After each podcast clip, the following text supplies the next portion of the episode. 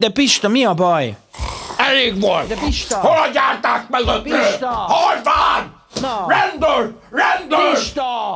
A Média Magyarország produkció bemutatja Darásfészek újra töltve. Fogadják sok szeretettel a műsor házigazdáját, Bagi Ivánt. Üdvözlöm a kedves hallgatókat, Bagi Iván vagyok, ez pedig a Darásfészek újra töltve 20. adása. Hamarosan jövünk álhíreinkkel, ezután pedig következik álinterjúnk Verebes Istvánnal. Felkészültek? Akkor kezdünk!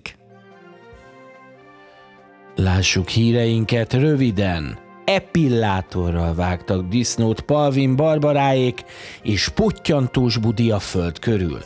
Következzenek híreink bővebben. Disznóvágásra vitte Palvin Barbara párját Dilent. A modell a darásfészek híradójának számolt be élményeikről.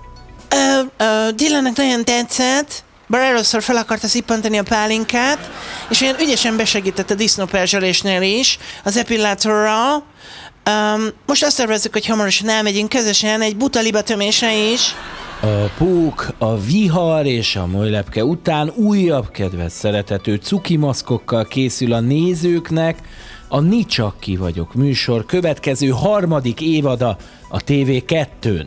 Kiszivárgott hírek szerint a hamarosan képernyőre kerülő új évadban például énekelni fog majd Ganaj túróbogár, Vaspondró, Patkósorú Denevér és a Csótány is fából készült műholdat terveznek földkörüli pályára állítani Japánban a Kiotói Egyetem tudósai. A hír hallatán egy magyar település polgármestere már be is jelentette, hogy ők is csatlakoznak a programhoz, hiszen szilveszterkor már sikerült is a helyi lakosoknak egy illegális tűzijáték során a falu szélén álló pottyantós budit földkörüli pályára állítaniuk. És végezetül következzen egy rendkívül fontos hír. Január közepére végre Budapestre is megérkezett egy nagyobb hótömeg Madridból. A havat Karácsony Gergely főpolgármester rendelte meg még novemberben, hogy ezzel vegye fel a harcot a globális felmelegedés ellen, azonban menetrend szerinti BKV buszokkal szállították a magyar fővárosba, ezért csak most érkezett meg a szállítmány. A zöld fordulat jegyében a havat személyesen a főpolgármester kizárólag az autóutakon teríti szét, amitől további forgalomcsillapító hatást vár majd. Álhíreinket hallották, ha a valódi hírekre kíváncsiak, kattintsanak az Origo oldalára. Álvendég, amiben egyik vendég sem az, aki. Köszöntöm a stúdiónkban a Jászai Mari díjas színészt, írót és rendezőt, Na. Verebes István. Szervusz! Köszöntöm a hallgatókat. Köszönjük szépen, hogy itt vagy. Még ne köszönd meg, majd a végén. Hogy vagy Pista, mivel telnek a napjaid most, hogy megállt a színházi élet? Köszönöm, nagyon jól vagyok. Kiválóan. Na. Hogy mivel foglalkozom? Saját színházat csinálok. Most épp azután. Az udvaron. Mert a színház az ott van, ahol én vagyok. Igazán remek darabokat játszunk.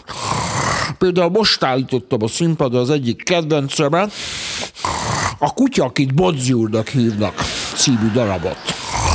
Hatalmas siker az udvaron.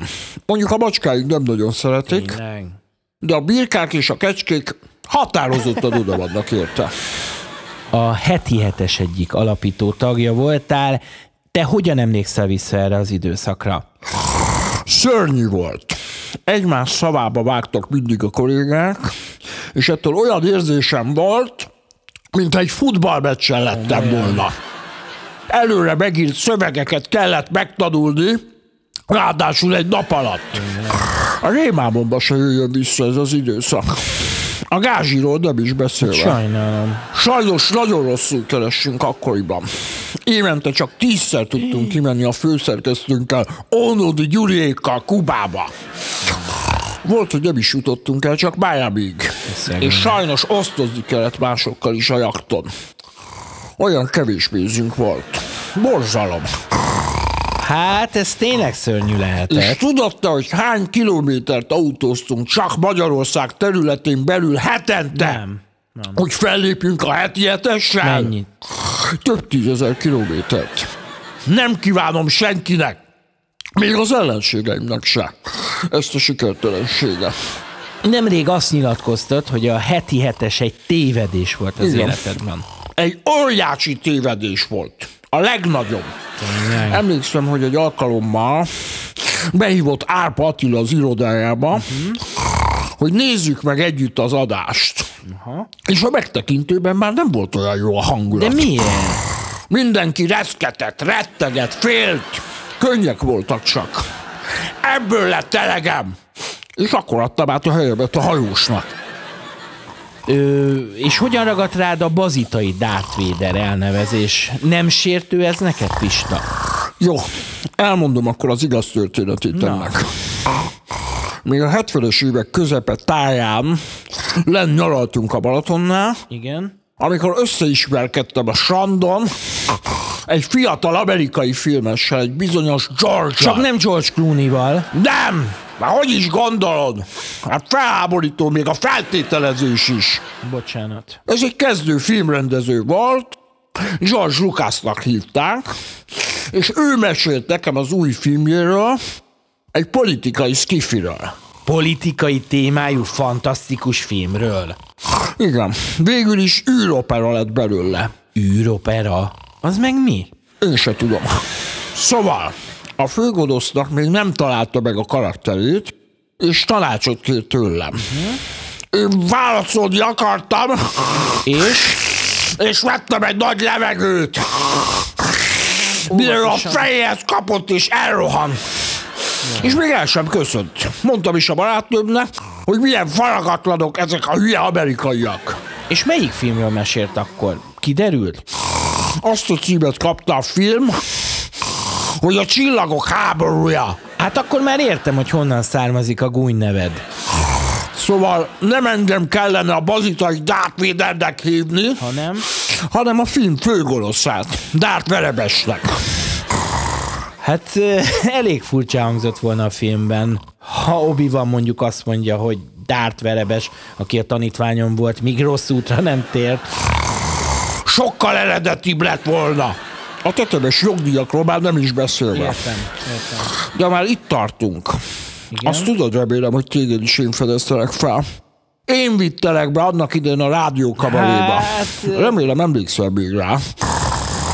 Hát én nem egészen így emlékszem. A senkit nem érdekel, hogy te mire emlékszel. Bocsánat. Sőt, örülnék, hogyha végre vinnéd most már te is valamire. Hány éves is vagy? Még csak 44. Neked 44 év kellett ahhoz, hogy saját műsorod legyen. Sajnos igen. Hát gratulálok hozzá. De ez már túl késő. Igen? Nagyon késő. Én Sajnálom. már ennyi idősen tényező voltam.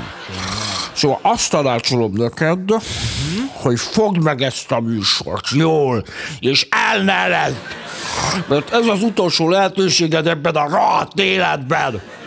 Nem rossz a műsorod. Köszönöm. Bár nekem nevetni rajta még nem sikerült, de mondjuk ez nem is soda, mert nem én írom a forgatókönyvet. Hát köszönöm szépen a tanácsot. Egyébként a műsor egész éves költségvetése nem fedezni a te írói gázsidat, amit egyetlen műsorért kérnél. Azért tegyünk egy próbát. Hát jó. Köszönöm, hogy eljöttél a műsoromba. Ha azt mondanám, hogy én köszönöm a meghívást, az bitang nagy hazugság lenne. És én egy őszinte ember vagyok.